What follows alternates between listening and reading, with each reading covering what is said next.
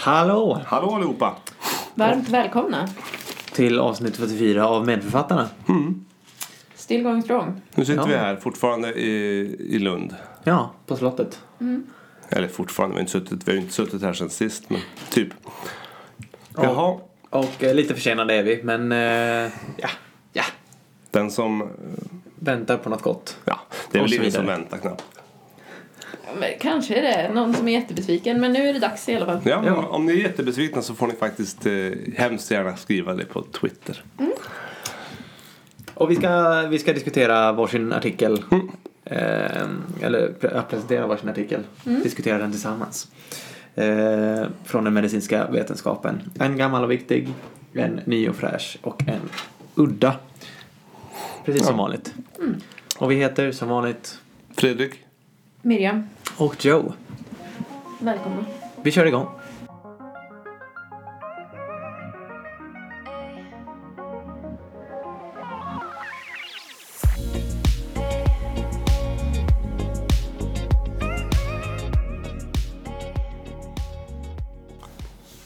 Ja, denna veckan så tänkte jag eh, gå tillbaka ganska långt i tiden då. Nej, inte jätte, vi har gått betydligt längre tror jag. Men jag har hittat en riktig guldartikel som jag tycker talar eh, eh, in i vår i tid. Ja, verkligen. Jag, jag blev glad eh, på många sätt av att eh, hitta den här originalartikeln från 1965. Mm. Och eh, jag tycker att det den här artikeln behandlar eh, avhandlas eh, fortfarande väldigt mycket. Jag tänker kanske framförallt på typ killar på internet. Det är min första association, men eh, Mhm. även kvinnor kanske. Är det Eh, dickpics tänker jag på, men det, det, det är inte det du ska prata om. Nej. Utan eh, cause and effect. Eh, Orsak och verkan. precis, eller association, Kausalitet. precis. Eh, kausalitet eller korrelation Mm. tycker ju många om att eh, Man, man slänger sig med det rätt. Ja men rätt mycket ändå Mm. eh, när man ser på liksom generella samband. Mm. Eh, och här har jag faktiskt gått tillbaka eh, och hittat en av eh, faktiskt mästarna, mä, mästaren i sin tid gällande just eh, epidemiologisk forskning. Eh, Sir Austin Bradford Hill eh, funderade redan mycket på det här. Han var professor i medicinsk statistik och ansågs då för sin tid kanske världens främsta medicinska statistiker. Mm. Det finns ju den här Altman också. Som skrev alla de här böckerna om medicinsk statistik. Ja. Eh, jag, jag vet ingenting. Det, det känns som att det kan finnas en kamp där mellan vem som Ja, egentligen jag har är inte sett någon eh, medicinska statistikens fader. Hash, hashtag humble brag. Precis. Nej men eh, Hashtag Team Hill kanske man, kanske man blir nu. Sir Bradford Hill var ju faktiskt med och designade en av de första riktiga randomiserade studierna med streptomycin för tuberkulos. Mhm. Och så var han också med och genomförde den här British Doctors-studien som var den som la grunden till, jag tror vi har nämnt den tidigare, Är det lungcancer? Rökning. rökning och Ja, just det, lungcancer. det om. Mm. Och eh, han var egentligen inte, han var inte läkare i grunden. Eh, han föddes eh, på slutet av 1800-talet, 1897. Och utbildad, han var eh, pilot i första världskriget tror jag. Men sen eh, gick han någon ekonomiutbildning och ramlade in på statistikfältet och sen eh, in i medicinens värld. Får jag bara pausa där? Kommer du ihåg vi pratade om eh, han, antibiotikats, antibiotikans fader? Mm. Vad heter han nu? Alltså Fleming. Fleming. Han var ju Ja. också typ pilot i första världskriget och Ja, det verkar vara ett framgångs... det kanske alla, kanske alla brittiska män var. Ja. Det är så. Alla ska flyga. Och Eller- sen ska man bli, sen skulle man, han, ja. Men var det inte lite status också att vara liksom pilot i eh, Royal säkert. Air Force? Alltså det var liksom en framgångsfaktor bara att man hade varit Säkert. det. Om man överlevde så var det Mm. säkert en statussymbol. Ja, Eh. förlåt. Fortsätt. Eh, nej men och, eh, han hade då en lång karriär egentligen bakom sig 1965 när han skrev den här artikeln då som jag hittat som eh, heter The Environment and Disease Association or Causation. Mhm. Eh, där han då egentligen stolpar upp det som nu är känt som Hills kriterier. Jag vet inte om ni har eh, tvingats på dem någon gång. Nej. Men det är alltså nio punkter för att, eh, som man kan ta i beaktande för att eh, när man ska fundera på om någonting är bara en association eller om det kan finnas ett eh, kausalt Orsakssamband. samband mellan Mm. eh, exponering och eh, utfall på något sätt. Okej. Ehm, och den här eh, artikeln har kanske sin bakgrund i att han då var med och eh, startade upp någon eh, ja, instans eller sektion för eh, eh, occupational medicine, alltså arbets och miljömedicin. Mm. Det, har ju, det är mycket epidemiologi där egentligen. Just det. Mm. Ja, och då började jag ändå eh, fundera på det här, för det finns ju väldigt många saker som larmas ut fortfarande dagligen. Ja, alltså, Mm. eh, det kan vara allt möjligt. Jag kom i kontakt med det här nyligen när jag tittade på eh, skadliga effekter av eh, protonpumpshämmare, typ Omeprazol. Där finns det ju, det är ett sånt otroligt vanligt läkemedel så det har ju kommit Mm. rapporter om att det är associerat med i princip Allt. allt Mm. farligt som kan hända kroppen egentligen. Mm. Och- Men även bara sådana här larm att om du bor nära en eh, el... Eh, vad heter det? Power station? Ja, Ja. ja. Så Eller kanske det finns några fler sjukdomsfall av en viss sort Mm. där. Mm. Eller bara Mm. typ att Mm. veganer lever längre än eh, Mm. folk som inte äter veganskt. Vad det. beror det på? Sådär. Och eh, såklart eh, ett glas alkohol i veckan är bra för det här, dåligt för det här. Tre glas är bra för detta, dåligt för detta. Ja, Alltså, precis. hela det där. Ja. Just det. Mm. Många associationer hit och dit. Precis. Men jag tycker att den här artikeln är också ett stycke medicinhistoria i exemplen han använder. Men jag tänker att eh, eh, bakgrunden han ger då är ju liksom att eh, för att eh, skapa folkhälsa egentligen så måste vi kunna dra någon sorts slutsatser om eh, påverkar A utfall B så att säga. Just det. Ehm, och att det kan, ibland kan det kännas eh, väldigt enkelt därför att det finns kända medicinska mekanismer som gör oss att, få oss att direkt eh, tänka att jo, men det är klart det här beror på det här. Men ibland är det svårare än så. Eh, och så tycker jag att han eh, han är ändå lite ödmjuk och fin. Att han, han börjar artikeln med att säga att han inte har en önskan eller eh, skicklighet att eh, filosofiskt bestämma vad, vad är egentligen ett orsakssamband. kausalitet utan han hoppar vidare därifrån. Det tackar vi honom för. Eh, Men om vi går rakt in på första kriteriet här så är det då associa- associationens styrka man får börja med att värdera. Okej. Ehm, och eh, det första exemplet han använder är då eh, på 1920-talet så var det en Percival Pott som visade att eh, sotare hade en 200 gånger ökad risk att drabbas av eh, skrotal... Stickelcancer. Precis, Mm. här skrotalcancer skrotalcancer, ja. skriver han här. Något? Skrotalcancer, jag gissar att det är testikelcancer. Ja. Och det är ju en ganska Eller- markant. Eller det kan ha varit i huden, för kom jag på. Ja. Eh, ja. Det står skrotal, jag tänker Mm. inte Nej. Fördjupa mig Men mer det stämmer inte då? Jo, Jag tänker det. Det har jag också hört att det stämmer. att det Men det är inte samlades, så många sotare som... att det samlades sot i bäcken på, Ja. på pungen. Och Just att, det, och det var eh, carcinogent. Ja, det var carcinogent. Ja, och- men okej. Ja. Mm. Och om man tänker så här, om det är 200 gånger vanligare i en yrkesgrupp Mm. så tänker Mm. man att det finns nog något här som orsakar Mm. den här typen av cancer. Troligtvis. Och det var ju någonting i Inte 200, var det 200 gånger vanligare? Mm. 200 gånger vanligare. Inte 200 procent? Nej, okej. Nej. Det är ju mycket. Ja. Och eh, sen vill han ta ett lite mer modernt exempel då i hans mening och det var ju då kopplingen mellan eh, rökning och lungcancer. Mm. Ehm, som var 9 till 10 gånger vanligare bland rökare än icke-rökare då, enligt hans data. Troligtvis rökte ju många sotare också. Just det, men det här var ju generellt, eh, Mm, inte bara, bara bland sotare. Nej.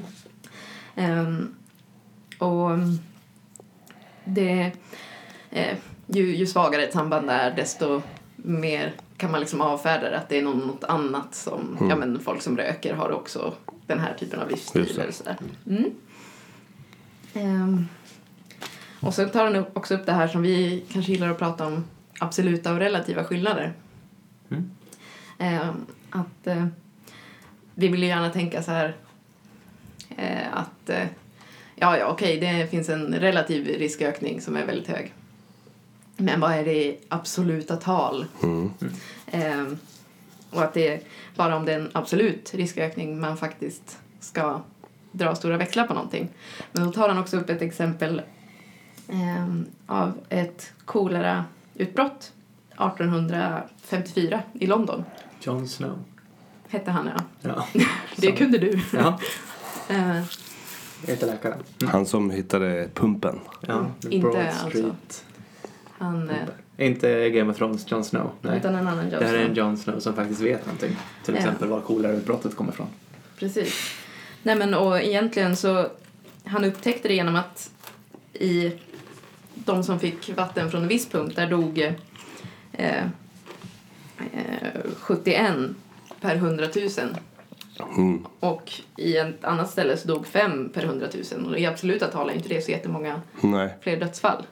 Men det var ändå 14 gånger mer och genom de slutsatserna kunde man... Det, det här var ju innan man ens hade liksom hittat kolerabakterier och Nej, kunde precis. testa för det. Man visste inte vad det var man Så att, eh, eh, mm, han drar ändå ett eh, varningens finger för att eh, avfärda det här med relativa risker. Mm. Eh, och sen om vi går vidare till, eh, det var då styrka. Jag kommer inte gå in så djupt på riktigt alla. Men eh, nummer två är då consistency på engelska. Är det samstämmighet på svenska kanske? Eller, Ja, eller någon slags jämn... Kontinuitet. ja, Eller- kanske. Nej, men samstämmighet kanske Mm. jag tror. Nej men just att det är... Man ska tänka på om... Finns det här sambandet rapporterat från mål- många olika håll i många olika typer av studier Mm. helt enkelt. Mm. Att, ehm, det... Eh, till exempel, han gillar han ju att ta sitt eget eh, exempel med rökning och lungcancer där det fanns eh, både retrospektiva och prospektiva studier och flera, från flera olika länder som eh, stödde det här eh, eh, sambandet medan eh, eh, att eh, man med om man gör, upprepar samma typ av studier flera gånger så kommer man inkludera samma typ av systematisk eh, confounding eller bias i Mm. sin studie. Okej, så jag menar också att det ska finnas olika typer av studier som Precis. reproducerar samma, Ja. eh, Resultat. samma resultat. Mm. Mm. Det Ehm, låter vettigt. det gör ju det. Mm.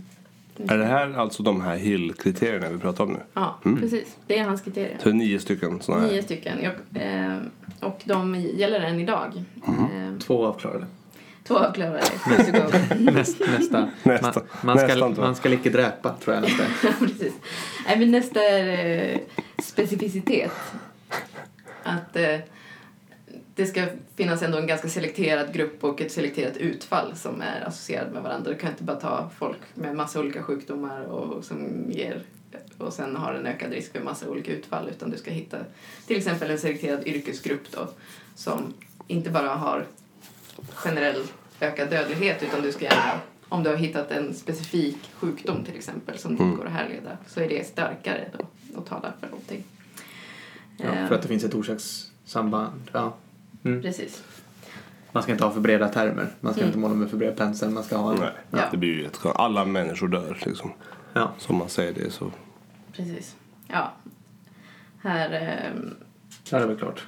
han, men han är också så här ödmjuk. Han, han, för varje kriterium så lägger han också fram hur man ja, kan vara lite försiktig också. här. Eller att- osäker. Ja, precis. Eh, Och sen det fjärde är då temporalitet.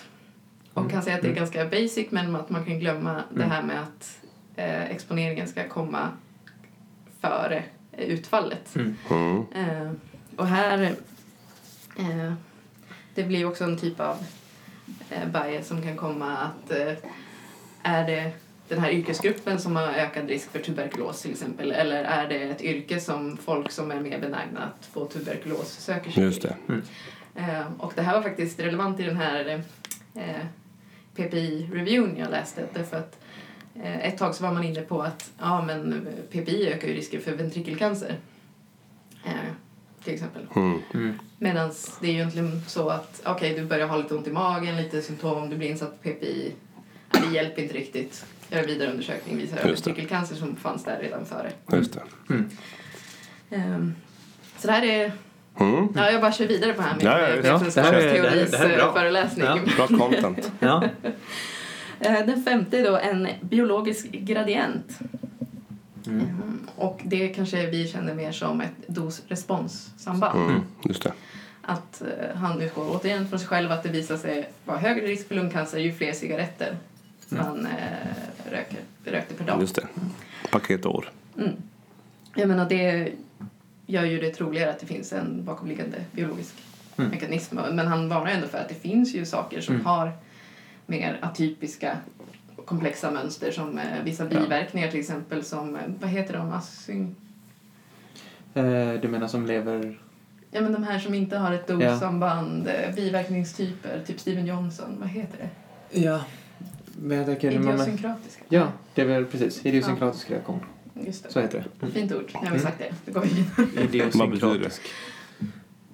Typ biverkningar, du kan få mediciner som inte spelar någon roll hur länge eller hur mycket du har tagit Mm. och som inte, utan vissa bara får det Mm. helt plötsligt. Mm. Okej. Ja okej, finns säkert bättre förklaringar.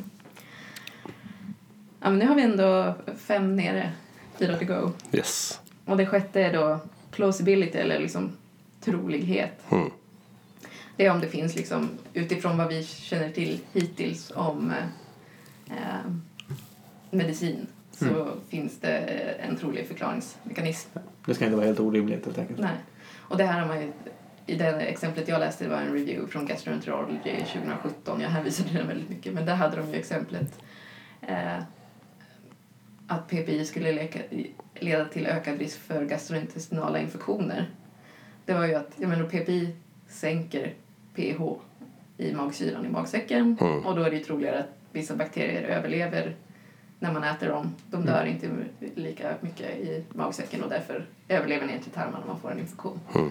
Om det finns, då finns det ju ett sätt vi kan tänka oss det hela, Mm. att det Mm. har hänt. Och Höj, då, höj pH. ja precis, förlåt, Ja. höj pH. Ja. Det, det är fredag och Ja. det har varit en Mm. lång vecka. Ja. Mm. Det sänker syraproduktionen och Mm. därmed höjer det pH. Ja. Mm. Eh, Mm. är ni redo för nummer sju? Ja. Ja. Så redo. Eh, då är det koherens. Mm. Coherence. Och det, ja, allting här överlappar ju lite men det är ju att det inte ska helt gå emot något vi redan känner till om Mm. eh, medicinen. Så jag tycker att de är lite lika. Ja, de är lite lika. Det ska vara rimligt. Ja. Eller det, är ju- det är ju orimligt om det helt säger emot eh, Mm. något vi vet. Ja, just att eh, särskilt eh, här 65 men också nu så ska vi vara ödmjuka för att vi inte vet allt. Vet jag. Nej, precis. Men- Det jag känner att koherens är ju... Mm. Ja. Men eh, det är något man ändå eh, ska begrunda, Mm. vill de hävda. Mm. Och sen då, nummer åtta är experiment. Kan man på något sätt designa ett experiment som visar det här och har det någon sorts, kan man visa i något labb, något liknande som Mm. kan stödja det här i alla fall lite grann på något sätt. Mm.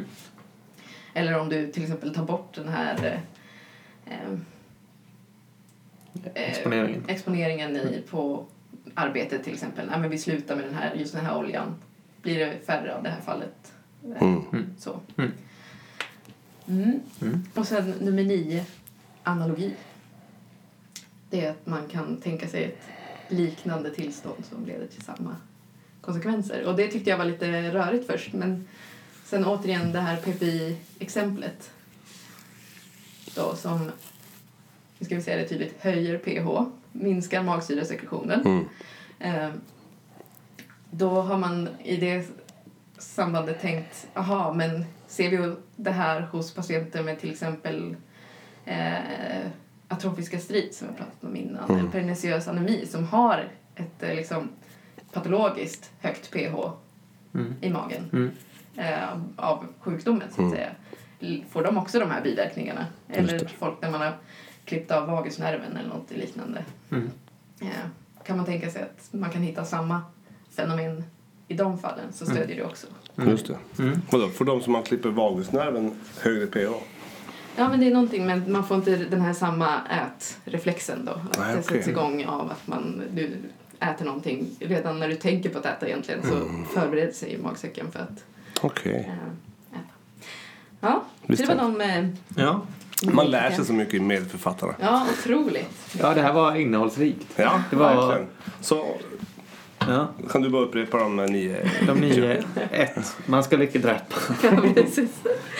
Ja, men, eh, styrka, consistency eller samstämmighet och sen hade vi nummer tre som var så mycket som, jag bläddrar frenetiskt här. Ja, du behöver inte upprepa dem. Det var mest ett skoj att Joe skulle upprepa dem. Ja, ska komma. Specificitet, temporalitet och så vidare. Ja, men vettiga punkter. Ja. Nej, men så det är ändå skönt att de har, på ett visst sätt har stått sig så att de faktiskt har blivit eh, förelästa om, i alla fall på läkarprogrammet på Center of Excellence. Så tröttsamt. Ja. Ja. Men så tycker jag att han avslutar sin eh, artikel på ett ganska skönt sätt eh, genom att eh, jag tycker ändå ge en liten eh, eh, känga åt det jag har reagerat på att han pratar om trust of significance. Att han tycker att det har blivit så himla viktigt bara att man kan visa att något är statistiskt signifikant och det betyder då att då är det så. Mm. Men han vill liksom framhävda att ett eh, signifikanstest det justerar ju bara för slumpens Mm. effekt. Men det säger ingenting om kausalitets... Nej, och det säger ingenting om Samband. studiedesignen eller Nej, någonting sånt precis. heller egentligen. Och, Och men känns det som att det är på ett annat sätt så är det ju kanske så. precis. I alla Nej, fall men- på Twitter. Men det känns som att eh, liksom, man har hittat lite tillbaka till det här när man, nu när det har, eller man mer gått mot att använda typ sån här direct acyclic graphs eller DAG i Ja. epidemiologin. Eller då det känns som att de har blivit väldigt stora nu. Mm, just det, såna här, man, egentligen mindmaps som man ritar Ja, upp alltså och som man- försöker tänka sig upp. orsakssambanden och sådär. Mm. Man ritar upp som en mindmap och, och då ser man ju om man kan tänka sig att något är kausalt eller inte lite Ja. grann vis, visuellt. Mm. Det känns som att vissa av de här går ju in i, en det. sån. Ja, Eh. att man, man får använda lite sunt förnuft. För att han tar upp ett exempel när han eh, på, för, på typ 30-talet någon gång skulle undersökte de på en sån här spinning mill, vad heter det? Ett väveri kanske eller Mm, liknande. Och skillnaden mellan insjuknande i eh, eh, andningsproblem bland de som jobbade mitt i bomullsdammet och de som inte gjorde det. Och såg att det var otroligt många fler i de som jobbade där det var jättedammigt som fick såna här respiratoriska problem. Och det var så här att det slog mig inte ens att jag skulle behöva göra de här testen utan för det var en så tydlig, klar skillnad liksom. Mm. Eh, och att han, ja ja, det, det är kanske bra med signifikatetstester för att eh, eh, förr i tiden så var det bara två doktorer och en labbhund. Så, så, och sen Mm. visste man exakt hur det var eller man gjorde studier på tio patienter och sen visste man Mm. allt. Men redan 65 så undrar han om pendeln inte har dragit iväg för Mm. långt Mm. åt bara siffertrollande och att vi ska då Mm. eh, inte... Lita blint på. Eller, Ja, ja. att det är ett waste of time eller dra kanske för stora växlar. Ja. Ja, Just det. på att eh, bara Ja. hålla på med det. ja, det låter klokt. Mm. Så, men, men jag rekommenderar faktiskt den här artikeln om en gammal eh, Mm. av Sir Austin Bradford Hill. Mm. Mm. Mr Hill. Det var det för det gamla. Snyggt. Snyggt. Tack så mycket. Då så går vi vidare till någonting nytt. Mm.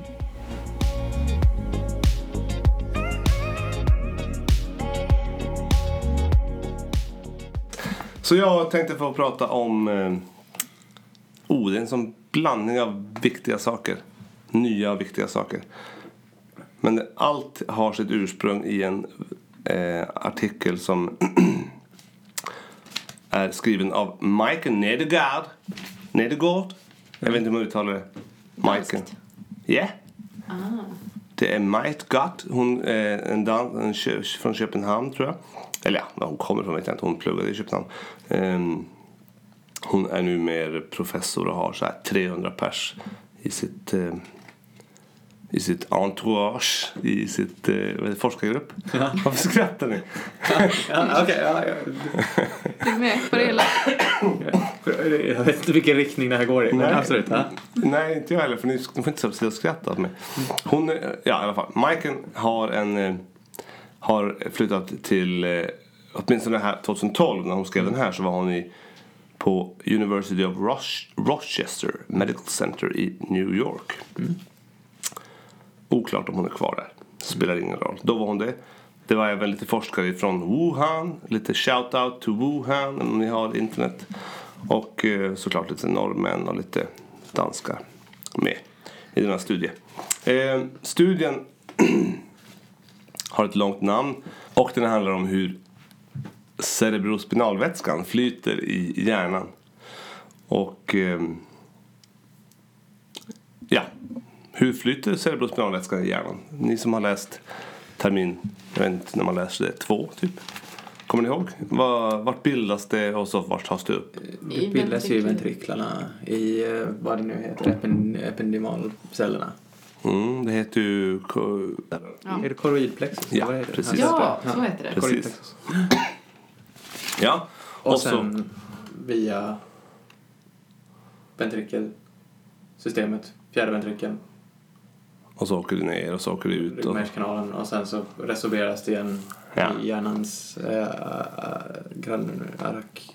i, någonstans i arachnoidea. Ja, i arachnoidea någonstans. Granulationerna i Just det. i arachnoidea. Mm, ja, men så var det man lärde sig. Något sånt. Och eh, vad, vad man har, vad har man det till då? Liksom det, det är lite, lite socker i kanske och lite så slaggprodukter och sådär.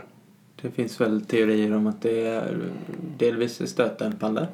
Mm, just det. Eh, att det skyddar hjärnan. Att eh, det är omgivet av, av vätska. Och sen... ehm, ja, Mm. det ska väl... Ja, nej.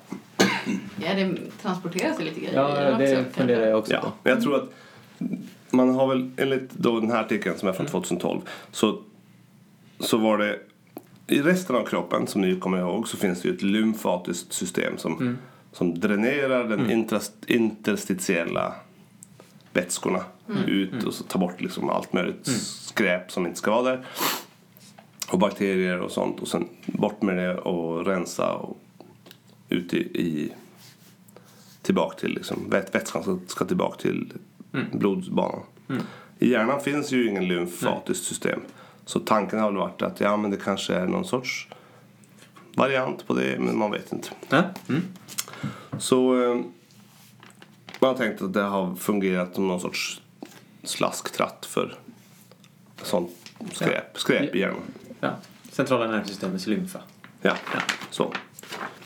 Så det, det de här, eh, Maiken et al. gjorde var att man, eh, man tog och sprutade in eh, lite fluorescerande läkemedel, eller inte läkemedel, fluorescerande Ämne. par- ämnen i hjärnan på lite olika ställen. På, anest, alltså på sövda möss. Och man började med att man sprutade in i den la- laterala ventrikeln på en, en, en eller flera sovande möss. Och så sov man och sen, och sen så efter 30 minuter så tror jag man, om jag fattar det rätt, så dödade man dem. Och, eller man sövde dem väldigt hårt. Och så skar man upp hjärnan och tittade på hur den såg ut. Och eh, när man hade sprutat i ventrikeln så hände det inte så mycket. Så testade man att spruta i... i eh, Ja, det hände inte så mycket med... de, de åkte, det här medlet... Det stannade kvar i det, det, det höll sig där, det åkte inte så Ja. långt. Precis, förlåt. Okej. Men sen så provar man att spruta i subarachnoidalrummet. Ehm, på samma typ av möss, inte samma mus för den var ju död.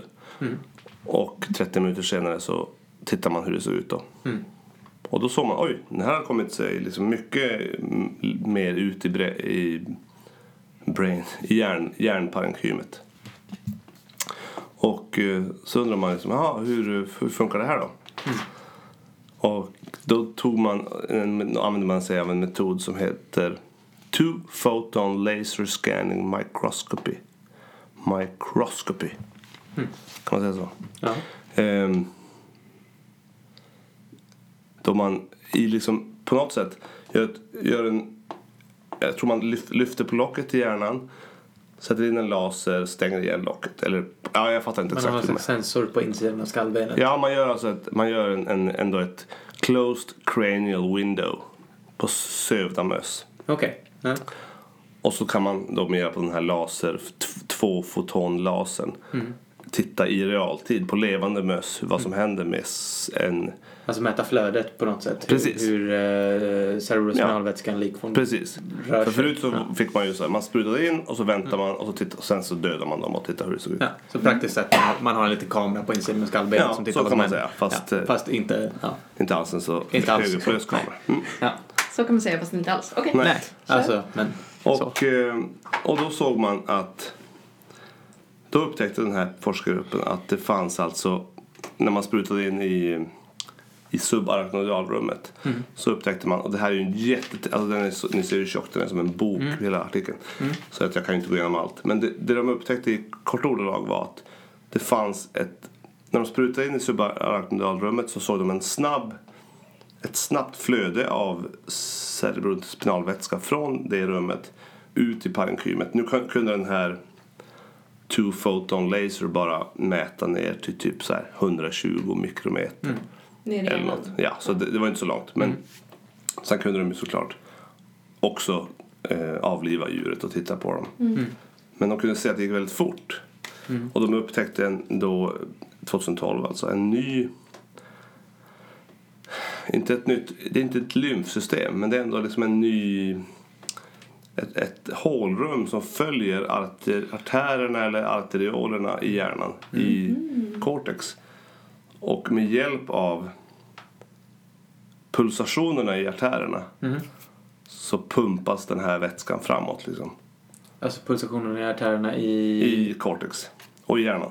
På, på, på hjärnans yta. Så mellan hinnorna och hjärnans yta. Ja, och, och sen troligtvis längre ner också. Men Ner i det, det kunde de inte. ändå. Ja. Precis. Ja, de följer liksom pulsar. Ja. Så det här hålrummet ligger para eh, arteri, arteri, art, Arteriellt. Jag kan inte säga ordet. Alltså så, Paraarteriellt. så lymf, eller förlåt, eh, likform, alltså cerebrospinalvätskan följer, Följer liksom artärerna ner i parenkymet när, när de pulserar. Precis. Okej. Och, ehm, och det var liksom, så det var, det var inte, ett, inte, inte ett kärl med egna väggar riktigt så. Men Nej. det är ändå avkapslat i bemärkelsen det finns Det finns järn, järnvävnad på ena sidan, järnvävnad på Ja, andra och så sidan. finns det gliaceller och så finns det liksom och, gliacellerna och så är det en artär då och så Ja. bredvid artärerna så finns det ändå Så en kanal. Precis, och där sp- går det ganska snabbt dessutom. Jag, vet inte, jag vet inte hur fort det är, men Mm.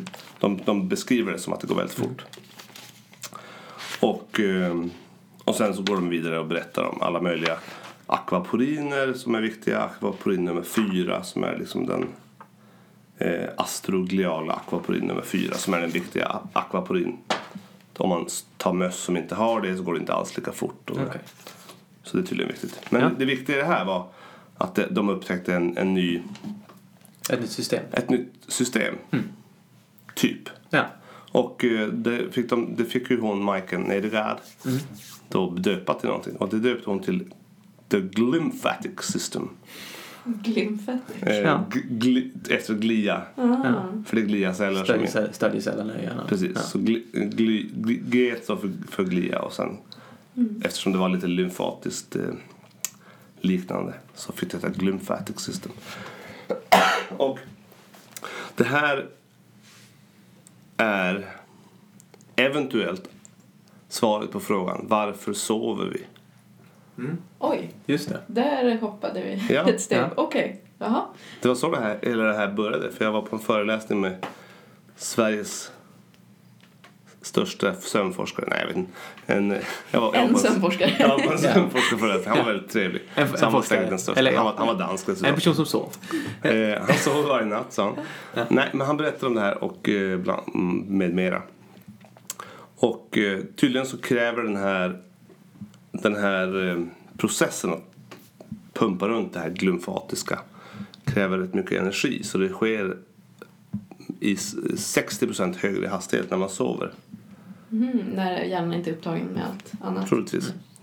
Så eh, sku, teoretiskt sett så är det det som är eller en av anledningarna till- att vi faktiskt sover. För annars är det lite så här, vad är sömn? Varför sover vi? Det är inte så klart. Det är ingen som riktigt vet. Men det skulle kunna vara det glymfatiska. Det kan man ju tänka sig att hjärnan behöver rensa sig på skräp. Mm. Precis som resten av kroppen behöver det. Ja. Om det finns ett lymfatiskt sy- system i, i resten så... Jag vet inte om lymfan funkar snabbare när man sover. Det vet jag faktiskt inte. Nej, jag har Nej. dålig koll på Vi får ju sätta in en sån här closed window eh, Ja, just det. Closed intracerebral window. Ja. mikroskopigrej i det lymfatiska sy- systemet och kolla helt enkelt. Ja, men det är lite lättare att kolla på det tänker jag. Men jag fattar inte, alltså, men det, det gick liksom från eh, subarachnoidalrummet in i hjärnan. Ja. Det känns ju lite, man tänker att det ska rensas från hjärnan och ut. Ja. Så att säga. Men eh, ja. Mm. Ibland eh, som sagt eh, Ja. vet vi inte allt och då måste vi acceptera att Precis. det kanske är kontraintuitivt. Men eh, Nej, ja, nej. Så det var... mm. ja, det här hade jag inte hört om alls. Ja. Nej, ni får googla på the glymphatic system. Ja, jag har hört eh, en, en kollega till oss tipsa om det. Okej. Eh, som ska bli ögonläkare. Så det har nog någon slags eh, implikation för i alla fall nä- näthinnan tillhör ju ändå det centrala nätsystemet. Okej. Eller nerv, nervsystemet. Så jag tänker att det glymfatiska systemet kanske har något Ja. med det att göra också. Kanske. Ja. Kanske, Ja. vem vet. Ja. Är det därför vi blundar när vi sover? Vem vet? Men eh, kul, nytt, Ja, det eh, var nytt system. lite nytt. Ja. Åtta år sedan. Ah, ja. ja, men eh, ja. Ja, men det, det har ju kommit mycket forskning sedan dess. Det var ju Mm. liksom... Det är det där, någon kommer på Breakthrough. någonting och sen så Mm. Mm. tar det lite tid för att man ska hitta resten. Mm. Tack Yes. så mycket. Tack själv. Spännande.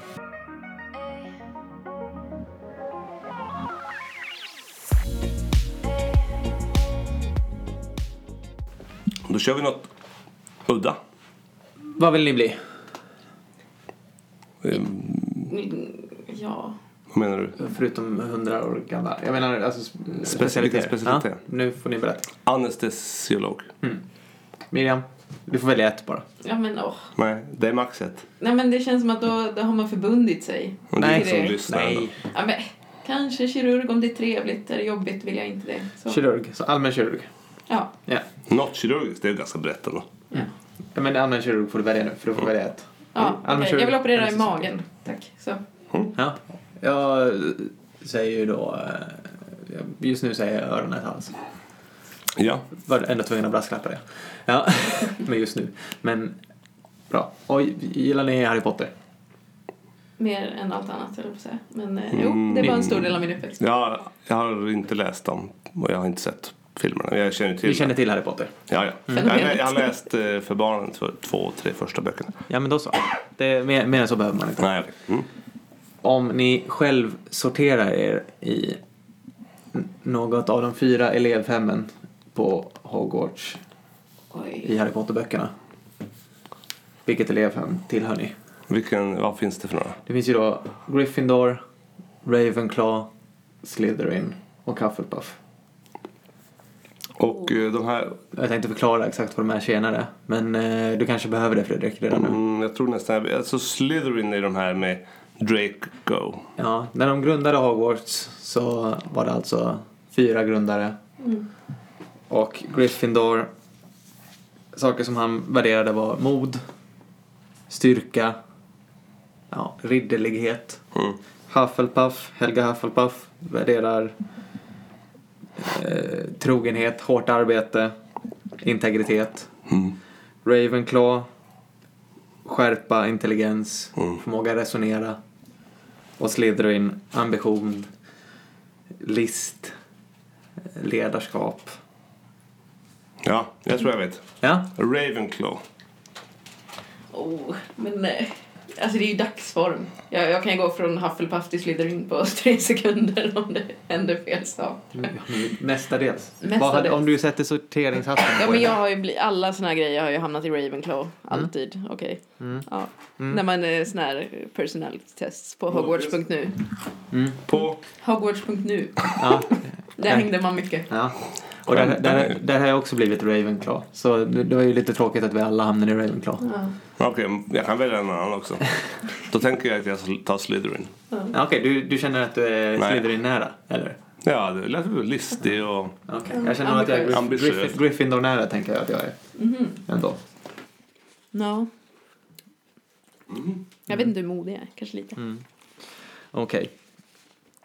Eh, och nu ska vi sy ihop de här två grejerna eh, med en artikel som heter The Sorting Hat of Medicine eh, som är publicerad av två eh, läkare på, som är lever och pankreaskirurger i North Carolina och publicerad i Journal of Surgical Education. Ehm, och jag har inte sagt hela äh, artikeltiteln för den är lite av en spoiler. Eh, och vad de har gjort då är, de här författarna önskar ju lite grann att det fanns en sorteringshatt som skulle kunna med all säkerhet berätta för en var man hör hemma i vilken Mm, specialitet, i vilken, vilket fält man hör hemma. Ja, det här är ju någonting som man, många funderar på i princip från dag ett på läkarprogrammet. Mm. Medan vissa kanske bryr sig mindre. Men Mm. Är vem är typ, jag? Det, typ den första frågan folk ställer när man ska berätta att man ska plugga läkare. Ja, Mm. Jag har faktiskt medvetet inte frågat mina läkarkandidater. Där. Nej, det, ja, Eller ja. att de ska slippa, men det är deras första placering. De kan Ja. slippa det. Ja. det kan kanske vara bra. Mm. Alla frågar faktiskt det. Ehm, och eh, precis, och då, det de kollar på i den här artikeln är korrelationen mellan vilket Hogwarts elevhem man sorterar sig själv till och medicinska specialiteter. Mm. Eh, Och då tänkte jag att vi skulle leka, leka fördomspodden ett tag. Ja, Eh, gradera in specialiteter. Det, för metoden var alltså att man skickar ut en enkät eh, på lite olika sätt till kirurgkoordinatorer och på sjukhuset som de var på. Eh, och eh, ställer frågorna Känner du till Harry Potter? Gör du inte det? Svara inte på den här enkäten. Eh, två, kön. Tre, vilken specialitet? Eh, gör du din STI? För det, jag t- jag tolkar det som att det mest var, eller att det bara var ST-läkare. Eh, är specialiteten kirurgisk eller icke-kirurgisk? Och vilket elevhem sorterar du in dig själv i på Hogwarts? Eh, och eh, 124 kirurger, 127 icke-kirurger. Vad tror ni? Och det finns ändå vissa liksom, subspecialiteter finns ändå representerade. här. så det är inte bara medicin eller kirurgi? Det är inte bara medicin eller kirurgi Nej, utan jag tror att, eller vad, vadå, vad tror vi? Jag tror att kirurgerna hamnar på Slytherin. I större utsträckning. Jag tänker att medicinare hamnar i Hufflepuff i större utsträckning. Det är om man... Hufflepuff. Ja men de är så här snälla och lite... Ja. Eh, hårt arbete, Ja. integritet, sånt som Helga Hufflepuff Jag gillar det. värderade. Ja. Ehm, och eh, några fler tankar om liksom de eh, som är utsorterade bland specialiteterna Men alltså, definitivt att de här lite mer specialiserade kirurgerna. Mm. Thoraxkirurg, neurokirurg, kanske ryggkirurg. Alltså du vet de som är... Men alltså statusletande Ja, liksom. de är ju Slytherin. Helt ja, säkert. för Det är Helt. liksom ambitionen där. Mm. Alltså det, det finns kanske inte så mycket som säger egentligen att den kirurgin är särskilt, eh, behöver nödvändigtvis vara roligare eller liksom mer stimulerande. Men, Nej. men om man bara går på ambition så är det ju det. Ja, Man går men status i samhället och så vidare. Tänker jag. Ja, och det eh, har ni rätt i. Tack. Att ehm, bland eh, kirurgerna fanns det fler Slytherins. Mm. Eh, 21 procent jämfört med 9 procent av Medicin. icke, eh, icke-kirurgerna. Okej. Mm. Mhm. Och färre Hufflepuffs. Mm. 7 procent vs 20 procent.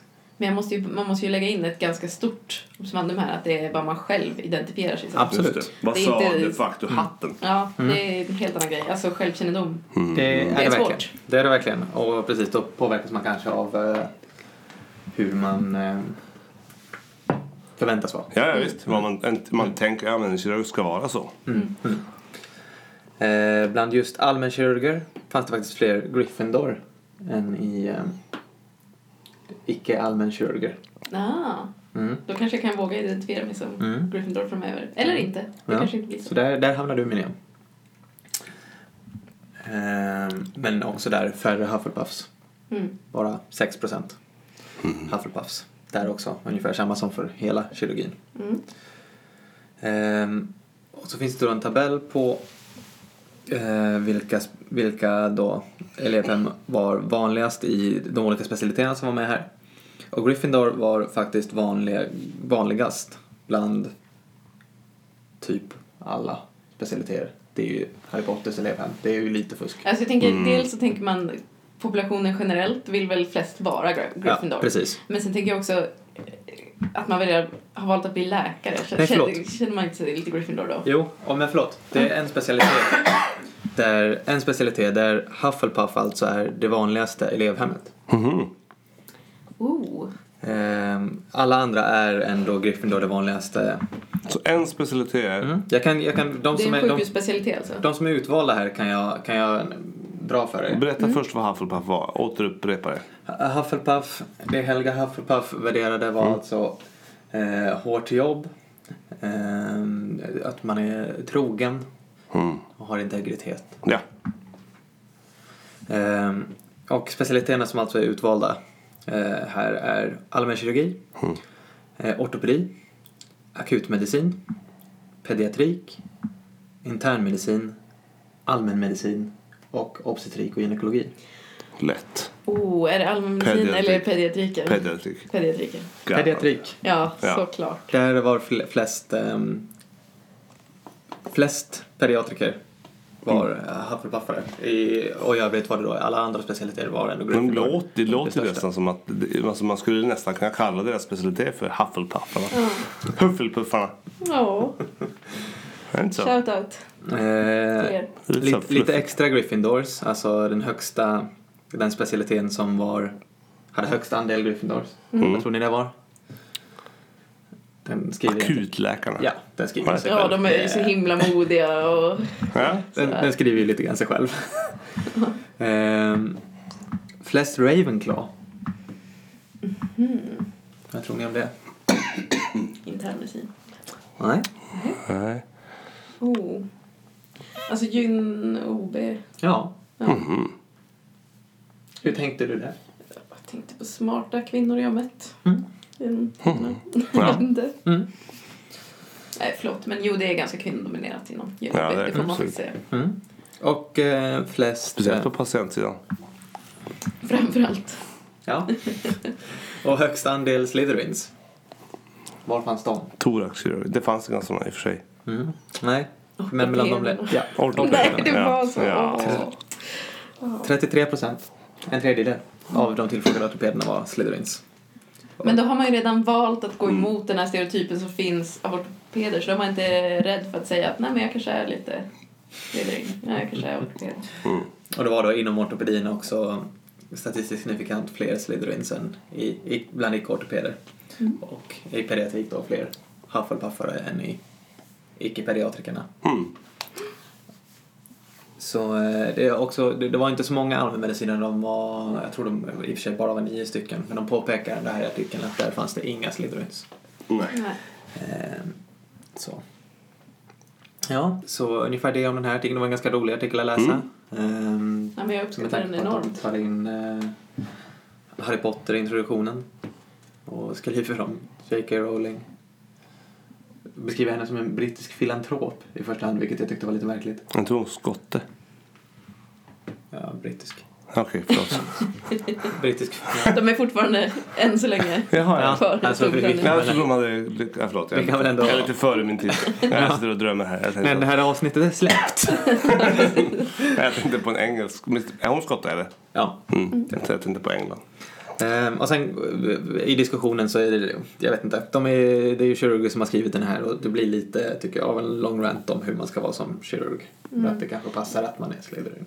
Men det var väl Surgical Education som själva tidningen hette också. Ja, Journal of Surgical Education, ja precis. Så det blir väl kirurgorienterat såklart.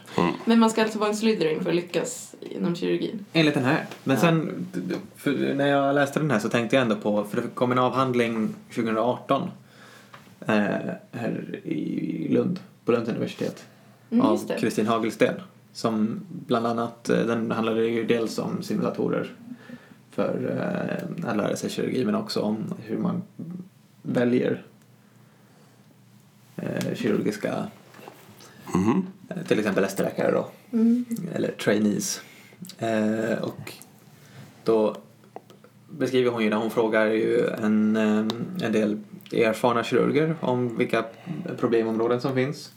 Delar upp dem i olika kat- kategorier, då teknisk färdighet, omdöme, kommunikation och interpersonell förmåga, personlighet, kognitiva förmågor och övrigt.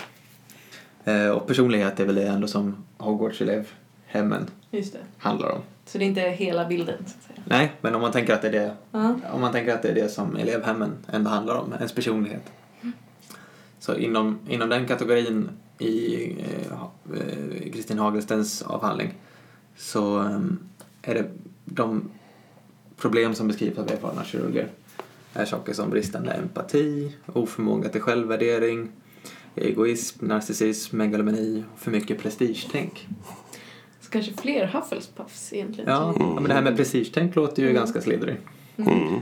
Ehm, Så det är väl lite, lite motsägelsefullt Mm. kanske. Ehm, Och den här är ändå från 2020. Den, här, ehm, den är fortfarande i tryck den här ehm, Oj, ehm, artikeln. Hogwarts-artikeln som jag pratar om. Eh, jag tycker den hade kunnat ta in eh, lite diskussion kanske från eh, Hagelstens avhandling. Den hade ganska gamla referenser till eh, hur kirurgi skulle kunna vara. Det fanns ett stycke som jag tyckte var, ehm, jag vet inte, kanske inte så bra. Med att surgeons are described as powerful, invulnerable, untiring, technically brilliant, clinically astute. His feelings, if he has any, are private. His inner life, if he has time for one, is unengaged by his work. Det står alltså med i den här artikeln. Det, det, det, det kändes ganska mossigt tyckte jag. Ja, lite Och det var- var från 2020 alltså. Och det var ett citat från en artikel från 96 som heter The Woman in the Surgeon's Body, Understanding Difference. Så jag vet inte. Diskussionen tyckte jag kändes ganska mossig. Och då Ja. rekommenderar jag hellre för att faktiskt eh, det är roligt att se elevhemsfördelningen här men för att få eh, lite mer nyanserad diskussion om... Mm, Då kör vi Hagelsten. Ja. Men det var ingenting om narkosläkare? Nej, narkosläkare var inte med. Nej, för samtidigt så internationellt har de väl kanske en annan eh, arbetsuppgift också än... Och inte heller eller öronläkare var med som specifik. Nej.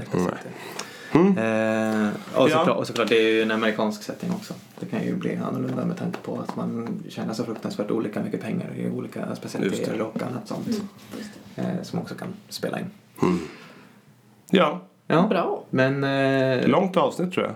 Det tror jag också. Och vi ska alla bli gynekologer eller någonting. Eh, med tanke på att vi alla identifierar oss som Ravenclaws. Ja, just det. Ravenclaw och eh, ja, det är ju, ja, det är ju, ja, inget orsakssamband. Nej. Precis. Eller så får ni lyssna på Vi får bli det vi får. Det, vi får. Gynpodden om tio år. Är det, Ja. det blir det vi får ett, ett jobb inom. det tror jag. Yes. Där vi trivs. Mm. Då så. Men kul. Ha en trevlig vecka. Ja. Eller två. Eller tre. Så ses vi. Hej då. Hej. Två. Hej!